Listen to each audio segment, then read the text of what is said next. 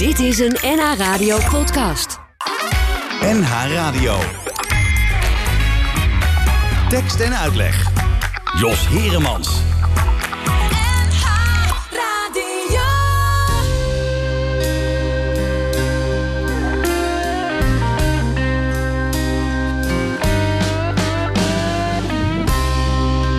Wat wij niet samen deden. Opeens was ik je kwijt. Lang al niet geleden.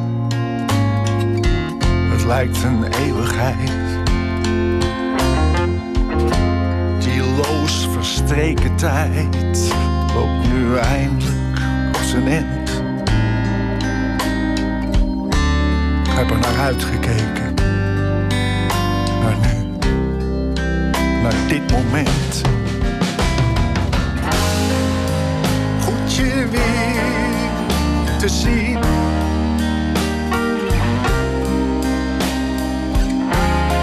Zo goed je weer te zien.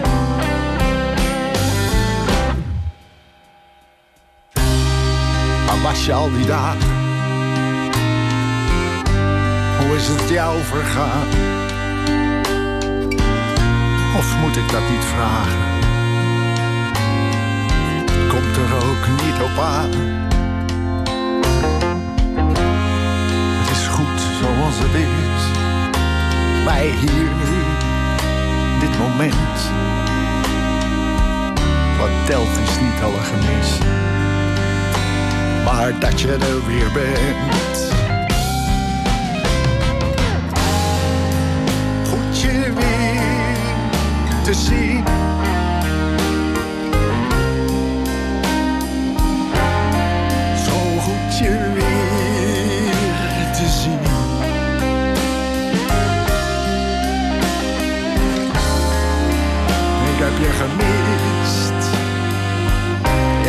Mij ook misschien.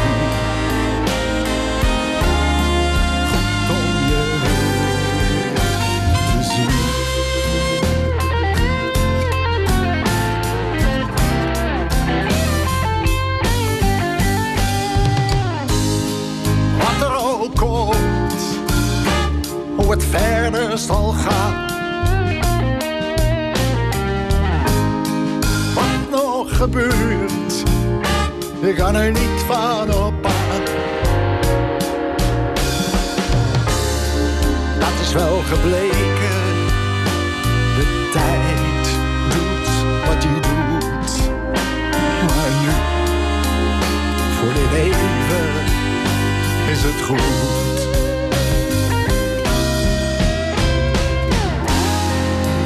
Goed je weer te zien.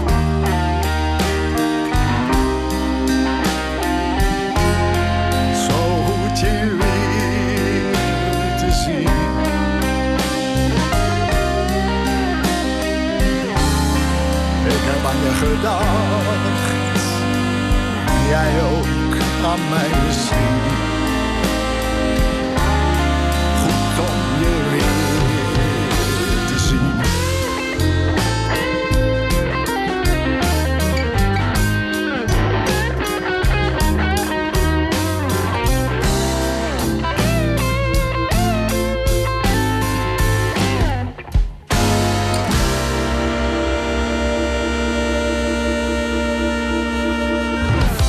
De Dijk aan het begin eh, van deze tekst en uitleg op eh, zaterdagmiddag met eh, Goed om je weer te zien.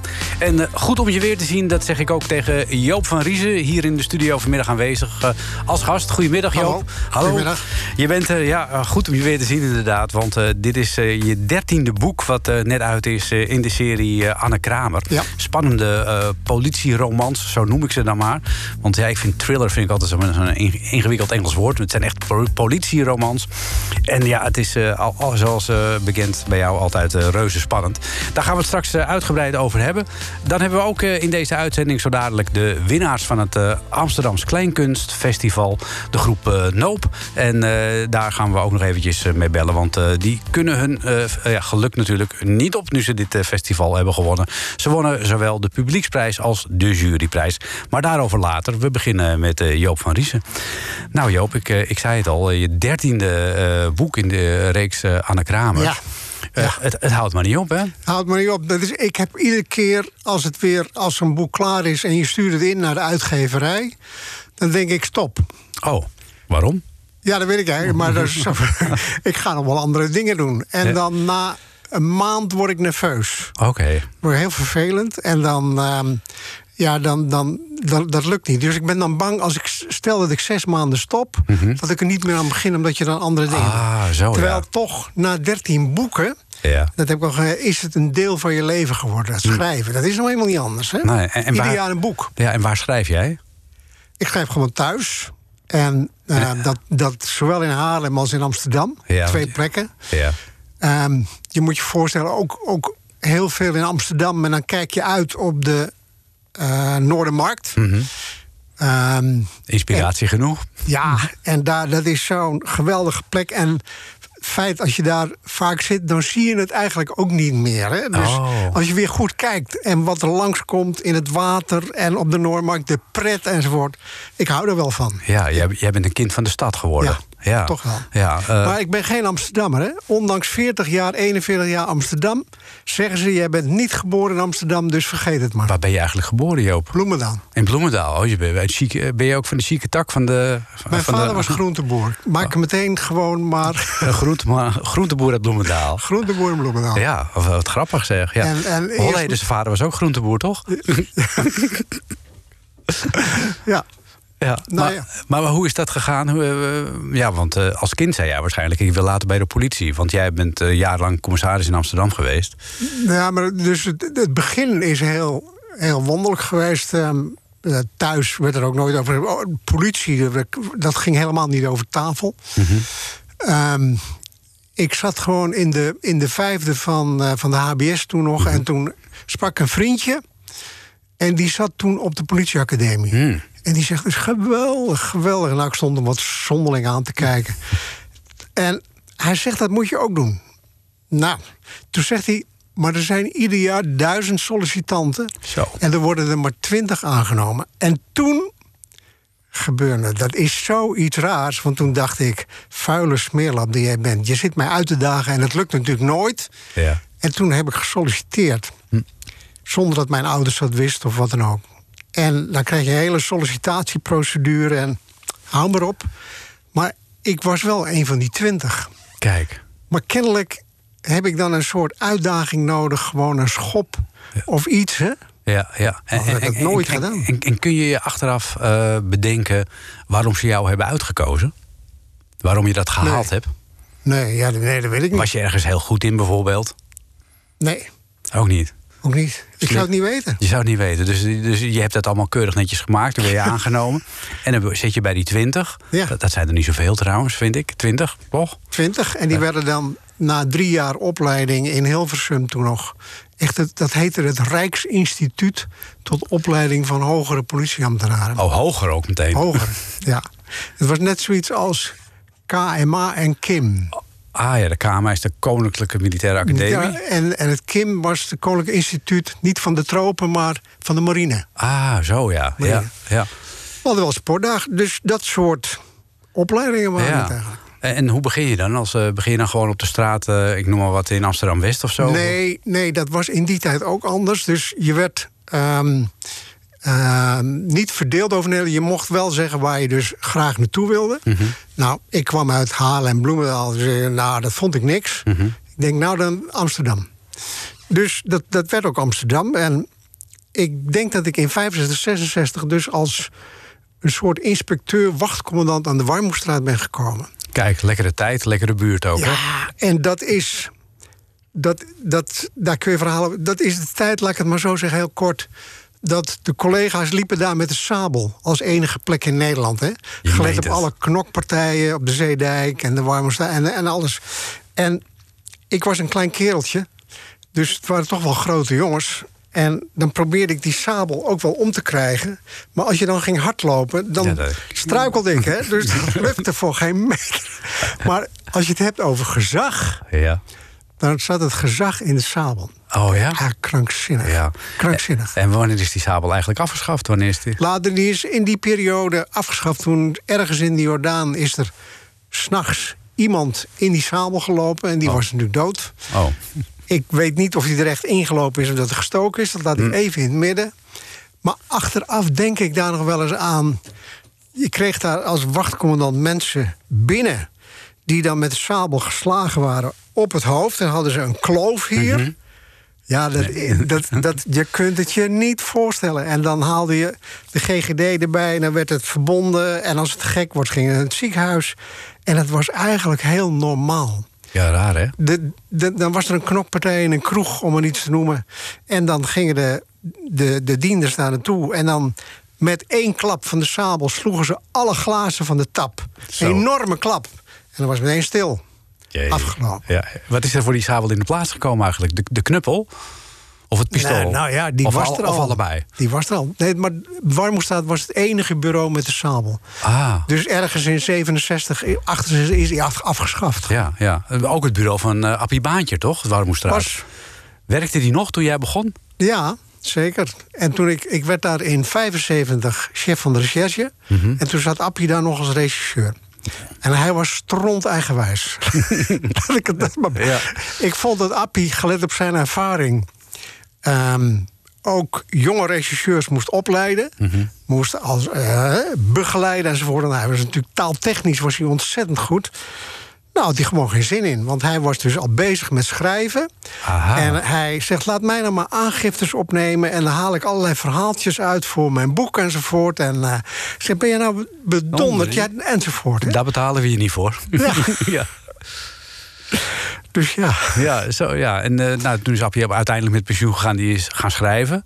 Eigenlijk een beetje... hij schreef toen al. Dus Hij schreef al hij, tijdens hij is blijven schrijven. Ik Ja. meen dat hij 80 boeken heeft geschreven. Ja, of ik zoiets. geloof het wel, ja. ja. Dus wat dat betreft heeft hij natuurlijk wel... een bijzonder beeld van de Amsterdamse politie neergezet. Hm. Je- Van de politie. Ja, dat kun je En zeggen. het is op, zich heel bijzonder. Ja, en jij bent pas gaan schrijven na je, nadat je Ja. bij de politie weg bent gegaan. Toen ik weg ben gegaan. Ja, ja. En dat kwam eigenlijk door jullie, Oh. journalisten. dankjewel. Dankjewel. Op een gegeven moment een paar journalisten, ze belden. Ik was weer aan het werk elders. En dan belden ze wel eens over dit en dat. Ik zei, jongens, ben weg uit Amsterdam, hou nou op. Laten we een keer bij elkaar komen. Dan praat ik met jullie nog een keer over 40 jaar Amsterdam. Vind ik wel leuk. Hebben we gedaan in een kroeg. En toen zeiden ze, dat moet je opschrijven. En eh, als jij het niet schrijft, dan leveren wij wel een ghostwriter. Mm. Nou, daar had ik helemaal geen zin in. Dus toen dacht ik, ik doe het zelf. Dat heb ik geschreven. Dat is dat eerste boek In Naam der Wet. Ehm, dat werd uitgegeven door Nieuw Amsterdam. Nou, klaar. Eh, dus ik ging weer verder met, mijn- werk. En toen werd ik gebeld door de uitgeefster. Die zegt, wil je nog eens langskomen? Marianne van Wijnen. Ik kom daar. Ze zegt, wij willen graag dat je fictie gaat schrijven. Een serie. Ik zeg, dat kan ik helemaal niet. En dan begin ik ook niet aan. Ik heb wel andere dingen te doen. En ik, ik, ik kan dat echt niet. Toen zegt ze tegen mij, jij gaat dat doen? Ja. Als een soort schooljuf. Dus ik kreeg straf. En thuis zeiden ze, ja, niemand krijgt die kans. Ja, ze bieden, en jij zegt nee. Hoe haal je dat nou? ja, toen was je jong. Nou ja, De rest is geschiedenis, Joop. Ja. Ja, 13 Anne Kravers liggen er inmiddels. Zoiets, ja. We gaan er eh, straks uitgebreid verder over praten. Eh Meedogenloos, dat is de titel eh, van het nieuwe boek van Joop van Riezen. Voormalig politiecommissaris in Amsterdam... maar tegenwoordig schrijver van politieromans. En hier zijn Thijs Boontjes en Roxanne Hazes... met de ballade van de moord.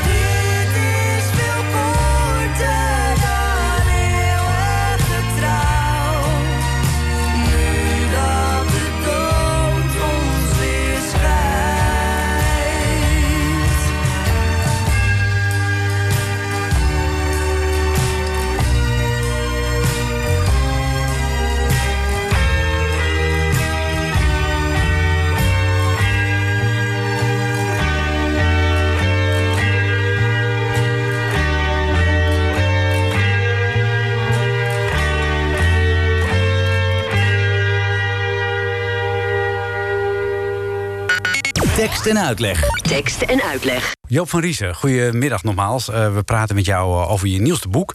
De dertiende in de serie eh, rondom eh, Anne Kramer. Ehm meedogenloos is de titel. Ik moet zeggen, het is ook een redelijk eh, meedogenloos thema wat je aansnijdt. Ja, dat is aan de ene kant wel. Hè, dus, dus meedogenloos, het woord zegt al, hard, de harde criminaliteit, ook van de huidige tijd. Ehm, waar, waar natuurlijk ook wel veel zorgen over zijn, eh, wat er allemaal gebeurt en wat er kan. En toch probeer ik in het boek het menselijke weer terug te halen. In de zin van, eens kijk naar een van de, laat ik maar zeggen, de, de, de mogelijke slachtoffers. Een vrouw, mevrouw Knot Neres, die president van de rechtbank is. Ja. Eh, ze is gescheiden.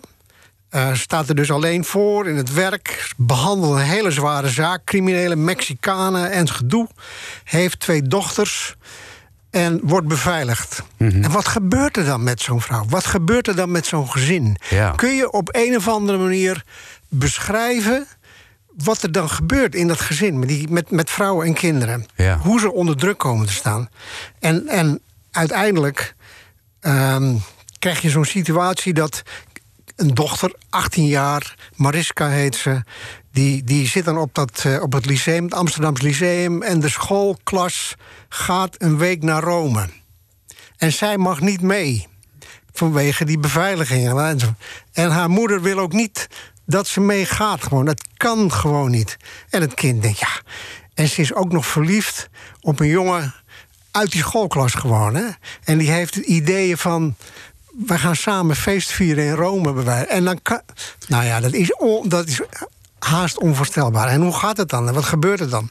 Dus dat, hè, die, die hele gezinssituatie in die druk. Zo kun je je voorstellen dat mensen, journalisten, eh, advocaten en anderen die beveiligd worden, dat we geen idee hebben eigenlijk wat dat in, het, in de gezinnen betekent gewoon. Nee, want je kunt geen kant meer op. Ja, je kunt geen kant meer op. Nou, Nee. zo'n sfeer probeer ik te schetsen. Ja. En dat is dan. Het valt me ook wel op dat ik dat iedere keer toch wel bij vrouwen doe. Dus mevrouw Knopneres. En de tweede vrouw, onze eigen Anne Kramer. Daar heb ik op een gegeven moment van gedacht. Die vrouw is zo krachtig, zo sterk. Chef recherche, loopt allemaal goed. Die moet eens flink in de beuk. Ja. Daar moet eens wat gebeuren met die vrouw. Hè? Nou, Ja, dat heb je de vorige keer eh, gedaan. dus op een gegeven moment dacht ik... zij wordt verliefd op een crimineel. ja. Iets wat niet kan. Het Nee. kan gewoon niet. Maar, ja- je kunt ja- wel verliefd worden. In jouw boek wel. Ja, in mijn boek. Je kunt wel verliefd worden, maar er iets mee doen gaat gewoon Nee. Zij nee. doet het wel. Ja. Er gebeurt wat. Dus ze gaan in het vorige boek al met elkaar op pad. En ook in dit boek. En het, het aardige, dat vind ik ook zo bijzonder. In het vorige boek begon dat, hè? Maurice, Maurice de Vries. Wapenhandelaar, drugshandelaar. En nu niet meer. Ze zijn op een of andere manier hebben ze elkaar ontmoet. En aan het eind van het boek dacht ik... hij moet dood. Dat kan niet. Hij, moet- ik, Hij moet van dood. af. Hij moet dood. Hij moet dood. Oké. En zo deed ik dat ook bij het schrijven. Dus toen ging dat manuscript naar de uitgeverij. Toen kreeg ik een telefoontje. Hij moet niet dood. Hij moet blijven leven. Ja. Riep iedereen bij de eh, uitgeverij. Eh, Dat is een mooie cliffhanger, toch? Als hij blijft leven. Hij ja. moet blijven leven. Ja. Dus hij leeft nog steeds, ook in dit boek weer. En dan gaan ze op een gegeven moment naar Mexico. Ja, nou ja, hoe dat allemaal af. We gaan niet te veel verklappen natuurlijk. Nee. Maar wat, wat mij eh, verbaast, eh, is dat jij nog zoveel ehm inside kennis hebt. Want je beschrijft inderdaad hoe zo'n familie dan onder beveiliging leeft. Dat heb je natuurlijk waarschijnlijk in de praktijk ook eh, redelijk vaak meegemaakt dat mensen beveiligd moesten worden. Ja, nou ja, ik ben geen chef beveiliging geweest. Je weet er van, van afstand wel wat van. En als ik er niet uitkom, dan heb ik altijd wel contacten natuurlijk. Hè? Ook over technische zaken. Ehm, daar heb ik nog contacten met, met oud-collega's en met eh, eh, mensen die dus helemaal in die techniek en de DNA hebben gezeten. Dus als ik bepaalde dingen wil weten, Ja. Want ik weet je, als je ergens daarboven in die organisatie hangt, dan weet je dat allemaal niet gewoon. Nee. Dus die contact heb ik wel. Ik heb wel de sfeer en de cultuur en, en de omgeving meegemaakt. En ja, inderdaad, zo'n. zo'n laat, ik, Ja. laat ik dit erbij zeggen. Ja. Ik kreeg al ehm, commentaar of reactie van vrouwelijke rechters Oh ja? die mij benaderden. En waarbij ik zei van nou, ik hoop dat je niet te veel schrikt Hmm. door dit boek. Nee, het is goed dat je dit brengt, zo op deze manier. Ja, want, want het thema wat, wat ook in, eh, in jouw boek naar voren komt... Hè, eh, je hebt de rechterlijke macht. In dit geval eh, wordt er een aanslag gepleegd op een rechter ook. Die Ja. mislukt weliswaar. Maar er zitten natuurlijk ook heel veel verwijzingen in... naar bijvoorbeeld de, de moord op Dirk Wiersum. Ja. Dus je, je houdt het heel dicht bij de actualiteit. Nou ja, daar begint eigenlijk bij mij het schrijven mee van een boek dat ik alleen denk, nadenk over een idee. Wat is, wat, waar ga ik over schrijven? En dan dacht ik aan Wiersum. Denk ja, dat is toch dat moment dat een advocaat of een politieman of een rechter. eh, maar dat zijn geen criminelen. Hè? Criminelen onder elkaar. Dat begrijpen we ook nog wel, dat die op een gegeven moment... Nou, worden fouten gemaakt soms, maar goed. Maar nu iemand die gewoon zijn werk doet... Ja. Die wordt gewoon bij zijn huis doodgeschoten. Waar is het eind? Ja, nou ja, dat, dat is eh, ook de vraag hè? die ik me stelde eh, bij Ja. het lezen van jouw boek. Is het echt zo erg er geworden? Zijn wij, zitten we in een wankele rechtsstaat? Bijvoorbeeld. Kunnen we dit allemaal behappen? Ja. En we kunnen natuurlijk roepen. eh, we gaan niet wijken, en dat moeten we vooral roepen. hè. Niet wijken voor de criminelen. Maar het, dit is wel een veldslag. En ik mag hopen dat door alle ehm, eh, dingen die in de techniek worden, zoals het afluisteren. Hè, de- al die telefoons, die geheime telefoons die afgeluisterd zijn. Waardoor ze konden meelezen. hè? Ja. meelezen. Dus er wordt heel veel opgelost. Dat er flinke klappen worden uitgedeeld. Mhm. Maar, maar ehm, eh, Nederland speelt een grote rol internationaal in de drugswereld. Dat is nou helemaal zo. Kijk wat er van de week gevonden is in... eh, Ja, in de kwakel. In Ja. de kwakel. 3000 kilo, Ja. kilo cocaïne. Ik bedoel, eh, vroeger was je... eh, als je een kilo vond, dan, Ja, dan was het een grote vangst. 3000 kilo. Dus Nederland is wel top, top. Ik zou bijna zeggen top 1 in de, in de internationale handel hoor. Maar komt dat omdat wij zo'n open land zijn... of komt het omdat we te weinig politie- en Nee, controlemogelijkheden heeft, hebben? het- het heeft meerdere redenen. Een van de redenen is dat de ligging van ons land is qua infrastructuur. We zijn de poort van Noordwest-Europa. Mhm. Havens, Schiphol, geweldig. Eh, Via die havens komt het ook binnen natuurlijk gewoon. Hè. Dan hebben wij eigenlijk vanaf 50 jaar, de jaren 70, met de heroïne begonnen enzovoort, hebben we ehm, een, een verbinding gehad tussen gemeenschappen die hier wonen Mhm. in Nederland en het buitenland. Neem maar, de Chinezen. Ja. Toen met de Chinese gemeenschap. De Turken met de Turkse gemeenschap in Amsterdam. De Marokkanen met de Marokkaanse gemeenschap. Je Hm. kunt altijd veel makkelijker handelen met elkaar als Mhm. je een eigen gemeenschap hebt. De Colombianen hadden dat niet. Aha. Met de En, heroïne of met de cocaïne. En die hebben dus altijd veel meer moeilijkheden gehad om de cocaïne hier te krijgen. Dat moest altijd via Suriname en de Antillen enzovoort. Hè? Oh. En, en via die groeperingen weer naar de Surinaamse gemeenschap, Antilliaanse gemeenschap hier. Dus die combinatie van gemeenschappen heeft een hele belangrijke rol ja, gespeeld. er wordt ook wel gezegd van... Waarom zijn, waar zijn we mee bezig? Hè? Met die jacht op drugs moeten we gewoon niet zeggen van... legaliseer Nou ja. die handel, dan ben je klaar. Ja, ik heb wel eens geroepen, leg, dan heb ik het niet over heroïne hoor, maar Hm. leg een onsje cocaïne bij Albert Heijn. Maar ja, dat is vloeken in de kerk, jongen. Dat ja, is, zeker als politiecommissaris. ja. ja, zou het Ja. helpen, denk je? Zou het helpen? Deze week in de Nou, bonus? Ja, weet je, de, de enige, het enige wat kan is dat het internationaal gebeurt. Ja. Als je het alleen maar Nederland doet, dan kan dat niet. Dan, dan werkt het niet. Dus je moet dat internationaal doen. En als internationaal. Dat is toch hetzelfde met Amerika met de drank. Hè? Eh, ja, de grote drooglegging toen de tijd. Precies Ja. hetzelfde, de drooglegging. Op een gegeven moment moet je die kant op dat je zegt... ehm, ja, eh, dat je eigenlijk gewoon dit, dit legaliseert. Ja. En niet half echt legaliseren. Maar dat moeten ze dus internationaal doen. Nou, dat zie ik in, Nee, dat gaat niet niet gebeuren. voorlopig niet gebeuren. Nee. Wat wel opvalt, en dat eh, schrijf je ook in je boek, is dat ja, eh, wat wij in Nederland helemaal niet gewend zijn geweest, in Italië natuurlijk wel. Hè, daar zijn rechters vermoord in het verleden door de, door de maffia ook echt.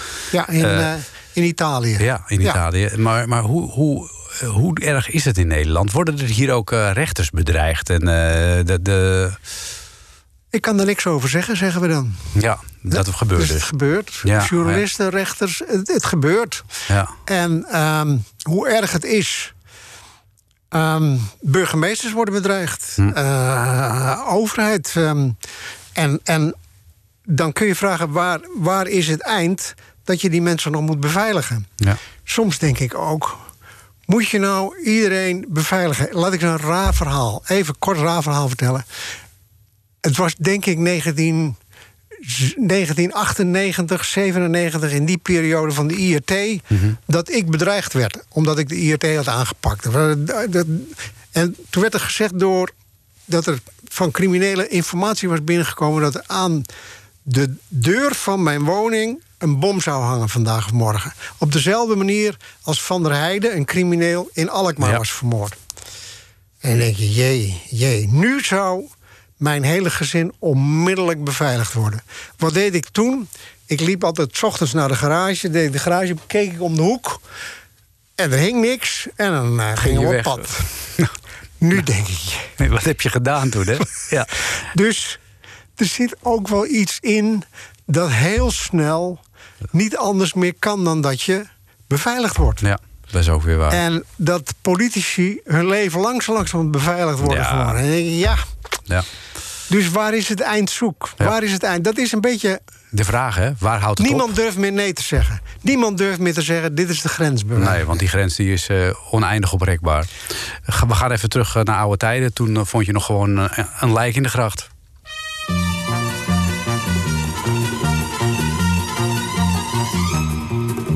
Ik heb nu al tien jaren hier in de keizersgracht met modder in mijn haren de toestand overdacht.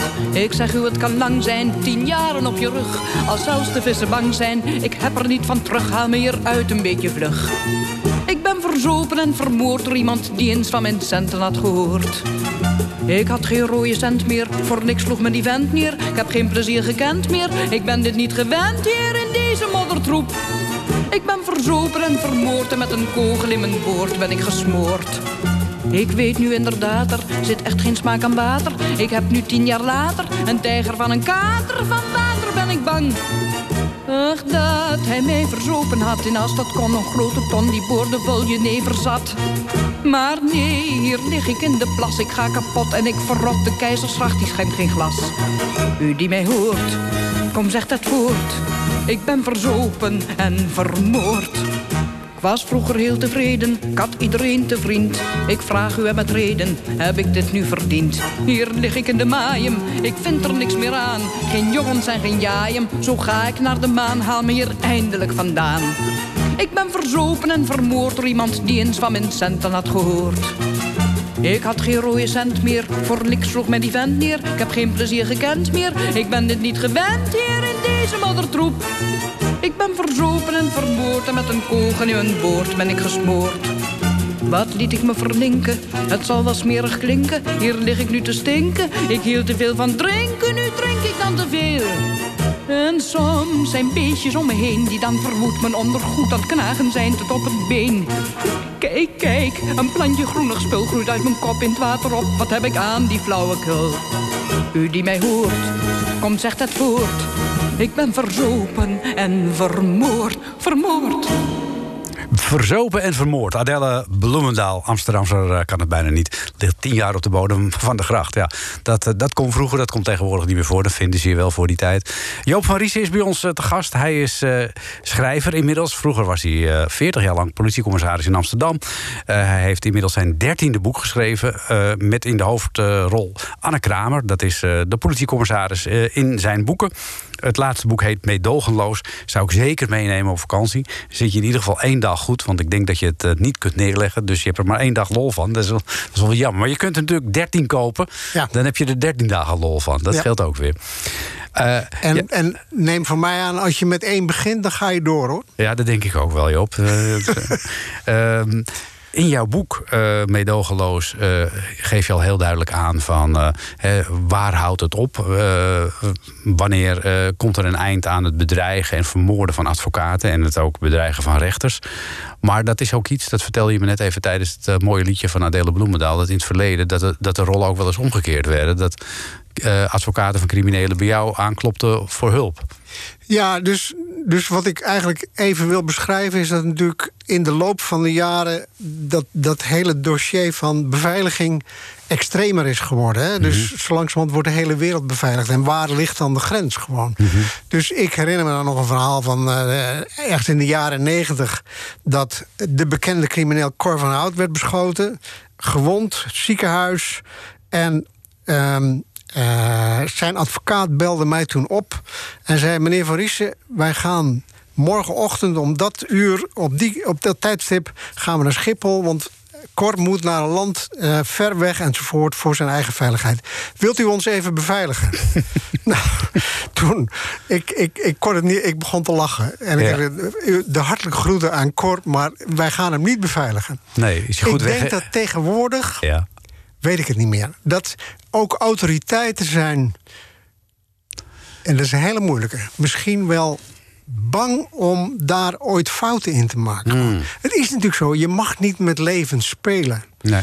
Maar als iedereen zo langzamerhand beveiligd moet worden... dan houdt die wereld ook op. Dus we zijn kwetsbaar. Ja, maar ja, dat zie je ook nu al, hè, dat, dat familieleden van kroongetuigen worden doodgeschoten, dat Ja. soort dingen.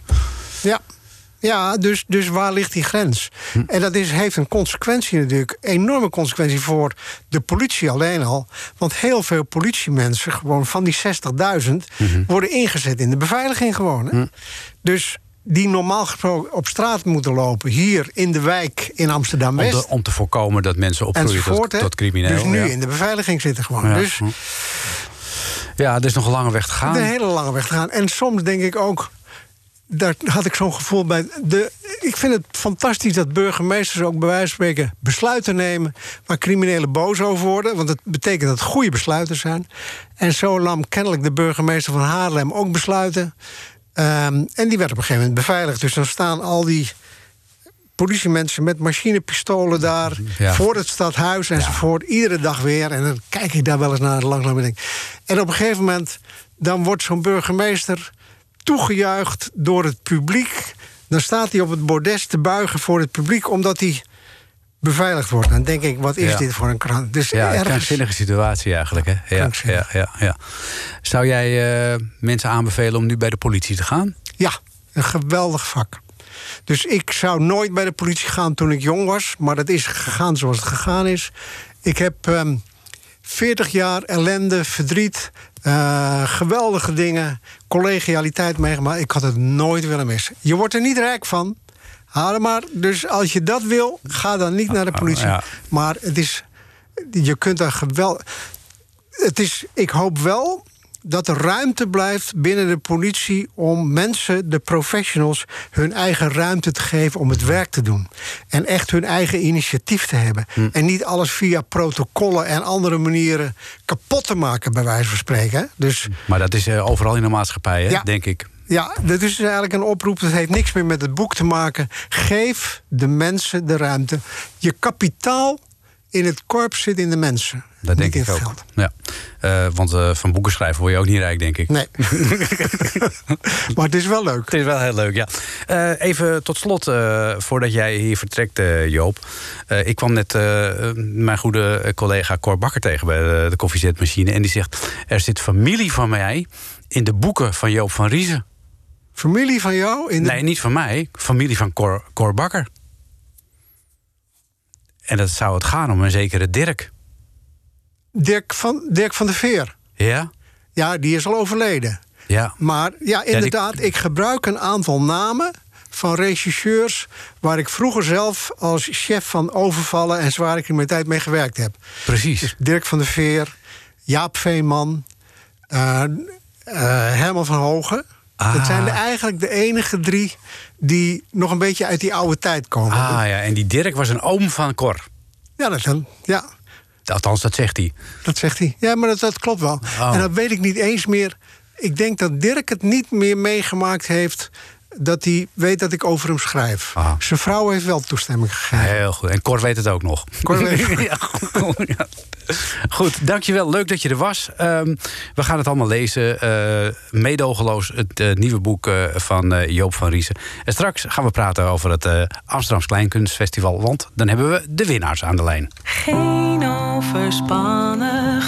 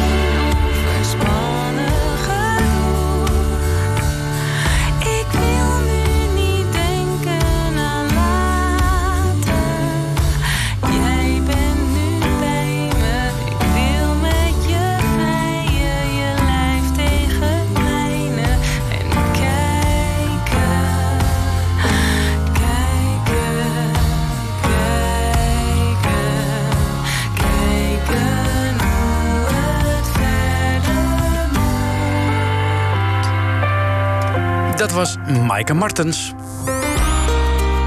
Tekst en uitleg. Afgelopen woensdagavond eh, was het heel spannend in Amsterdam. Want dan, toen werd de winnaar bekend van het uh, Amsterdams Kleinkunstfestival. Beetje uitgestelde gestelde finale. Want eh, ja, dat heeft natuurlijk ook weer van alles te maken met eh, corona. En eh, de afgetekende winnaars waren dit jaar eh, de dames van Noop. En eh, die heb ik nu aan de telefoon. Laura Bakker en Isabel Cavando. Goedemiddag, dames. Ja, goedemiddag. Ja. het, is dus, eh, het, het is noob. Het is Noop. Maar Kijk, ik dacht, ik zeg het even. Ja, dat is heel goed, want dat, daar begint het natuurlijk al mee. Hè. Jullie hebben een bijzonder originele en eh, dubbel interprete- te interpreteren naam gekozen. Want eigenlijk is Noob, eh, zijn het ook, tenminste in mijn ogen, zijn het ook twee nullen in het midden in plaats van O's. Precies, ja. Het is eh gametaal. Het komt uit de gametaal voor groentje, leek, eh, sukkel, loser, al dat soort dingen. Ah, kijk, kijk, nu komt de generatiekloof overduidelijk naar voren. Ja. Dat, kun, dat, kun, dat kun je wel zeggen. Ja, maar ik vind wel, jij zegt net met twee nullen in het midden. En opeens denk ik, dat is eigenlijk best wel goed verwoord. Want we zijn ook leken, sukkels, Ja. twee nullen. Nullen, ja. Ah, Dus ik, ik, nu jij het zegt, denk ik, oh, dat is ook nog wel een mooie verwoording. Ja. eigenlijk Ja, heel is goed. wel goed in de, in de. Oh, ja, ja, maar jullie hoeven je helemaal geen nullen te voelen natuurlijk. Want je hebt het Amsterdams Kleinkunstfestival gewonnen. Ja, Ja. Hoe was dat eh, afgelopen woensdagavond? Laat ik even met jou beginnen, Isabel. ja, het was echt geweldig. Het was voor ons een, eh, een hele gekke dag. Want je hebt natuurlijk die halve finale de dag ervoor. Dus dan zit je met dezelfde spanning op die stoelen. En dan de volgende dag, dan moet je dat weer. Dus het is eh, echt een, een soort rollercoaster met spanning. En je, je wil de allerbeste voorstelling spelen. En je speelt eindelijk weer een beetje voor publiek. Dus ja, we waren echt door de dolle heen. Maar het was ook moeilijk te geloven dat je dan met twee prijzen weg mag lopen. Ja, want jullie winnen en de publieksprijs en de juryprijs. Eh, Laura, ik, ik wil van jou even weten eh, hoe jullie eh, elkaar ontmoet hebben... en hoe dit gezelschap Noep ontstaan is. Wij hebben elkaar ontmoet voor de toneelschool al. Ehm, bij een ja, theaterhuis, zeg maar, in Utrecht, Docs. En dat was heel leuk. En toen werden we allebei aangenomen op de toneelschool. Ehm, beide allebei op twee scholen, wat vet cool was. En toen mochten we kiezen. en, ehm, en toen hebben we allebei voor dezelfde school gekozen in Amsterdam. De Kleinkunstacademie en Toneelschool. En toen hebben we elkaar nog beter leren kennen. En toen wilden we niet meer van elkaar af. Ja, en nu zijn jullie een onverbrekelijk eh, duo geworden. Eh, de naam Noep, eh, hoe zijn jullie daarop gekomen, Isabel? Zijn jullie van die vervente gamers? Nou, eigenlijk helemaal niet. Oh. Mijn broertje die gamede wel heel veel, dus die noemde mij vroeger altijd noob. Ah. Ehm, en toen heb ik een tijdje, had ik dat een beetje teruggebracht en noemde ik Laura vaak een noob. En toen ehm, maakten we een stukje en toen kwamen we erachter van... hé, hey, we maken eigenlijk een stukje over mensen en over schaamte. Ehm, moeten we het niet gewoon noob noemen?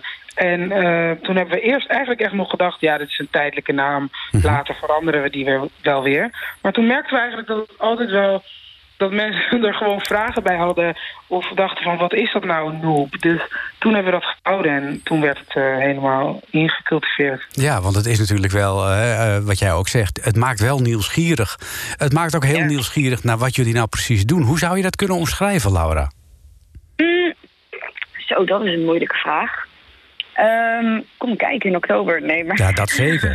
dat sowieso. Maar nee, ik denk dat wij... Wij maken het liefste schrijnende humor sketches. Mhm.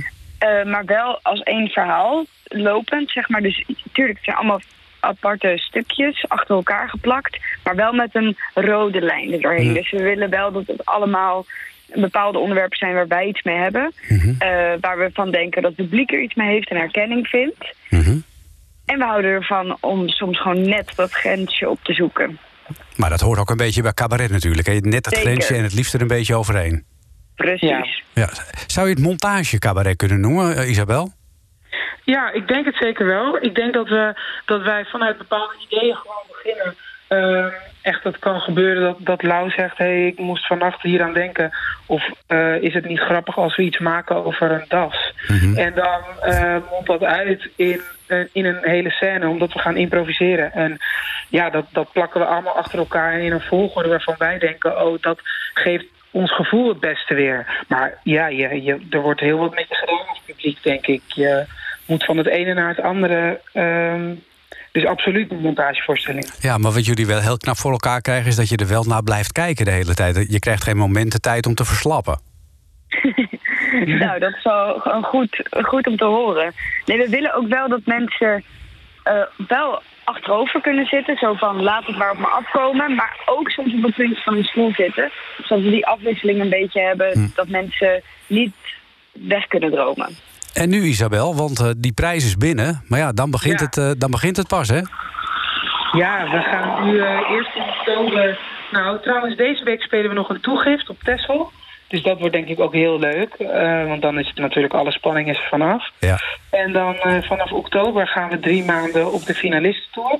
Dus ook met de twee andere finalisten eh, spelen we eigenlijk door Nederland. En ja, dan hopen we gewoon ook weer heel veel nieuwe dingen te leren. En we willen natuurlijk eigenlijk een avondvullende show maken. Ja, uiteraard. Daar, daar, kunnen, jullie, nu- daar kunnen jullie nu rustig aan gaan werken. Nou, eh, tegen de tijd dat die avondvullende show er is... dan eh, zie ik jullie hier in de studio. En dan hebben we Ja. ongetwijfeld een nog veel betere verbinding. En dan, eh, dan komt het helemaal goed. Ik wil jullie nu in ieder geval vast heel hartelijk feliciteren nogmaals. Het, eh, Dankjewel. het duo Noep met eh, het winnen van, de, van het Amsterdamse Kleinkunstfestival. Tekst, tekst, tekst. En, uitleg.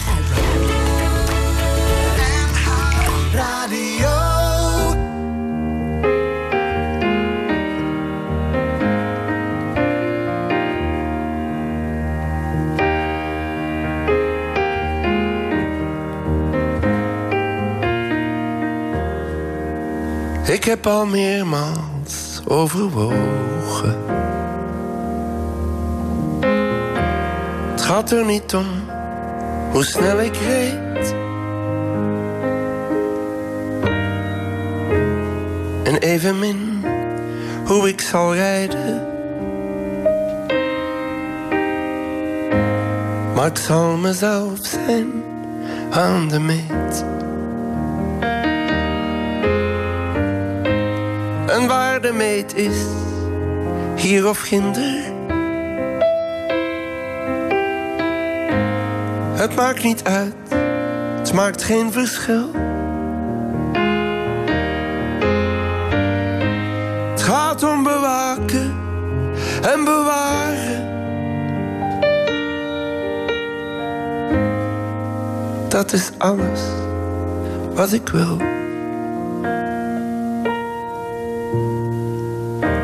Soms lijkt de rit niet meer te dragen.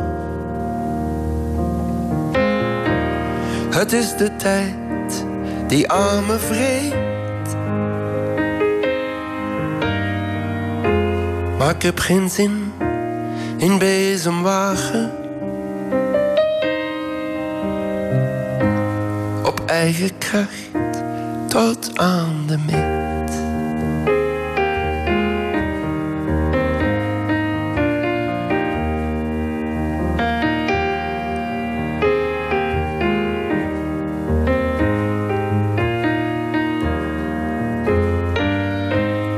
Liever het klimmen dan het dalen. Want dalen geeft je overmoed. En bovendien, het is slechts dalen. Meestal met bekwame spoed.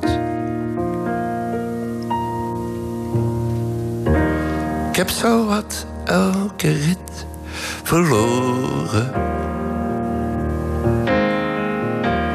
En toch denk ik, ik ben gereed. Want als je sterft, word je herboren. Ik zal zo blij zijn aan de meet.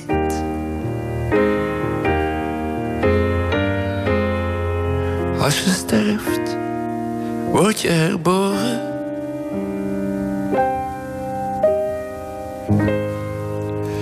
Ik zal zo blij zijn aan de meet.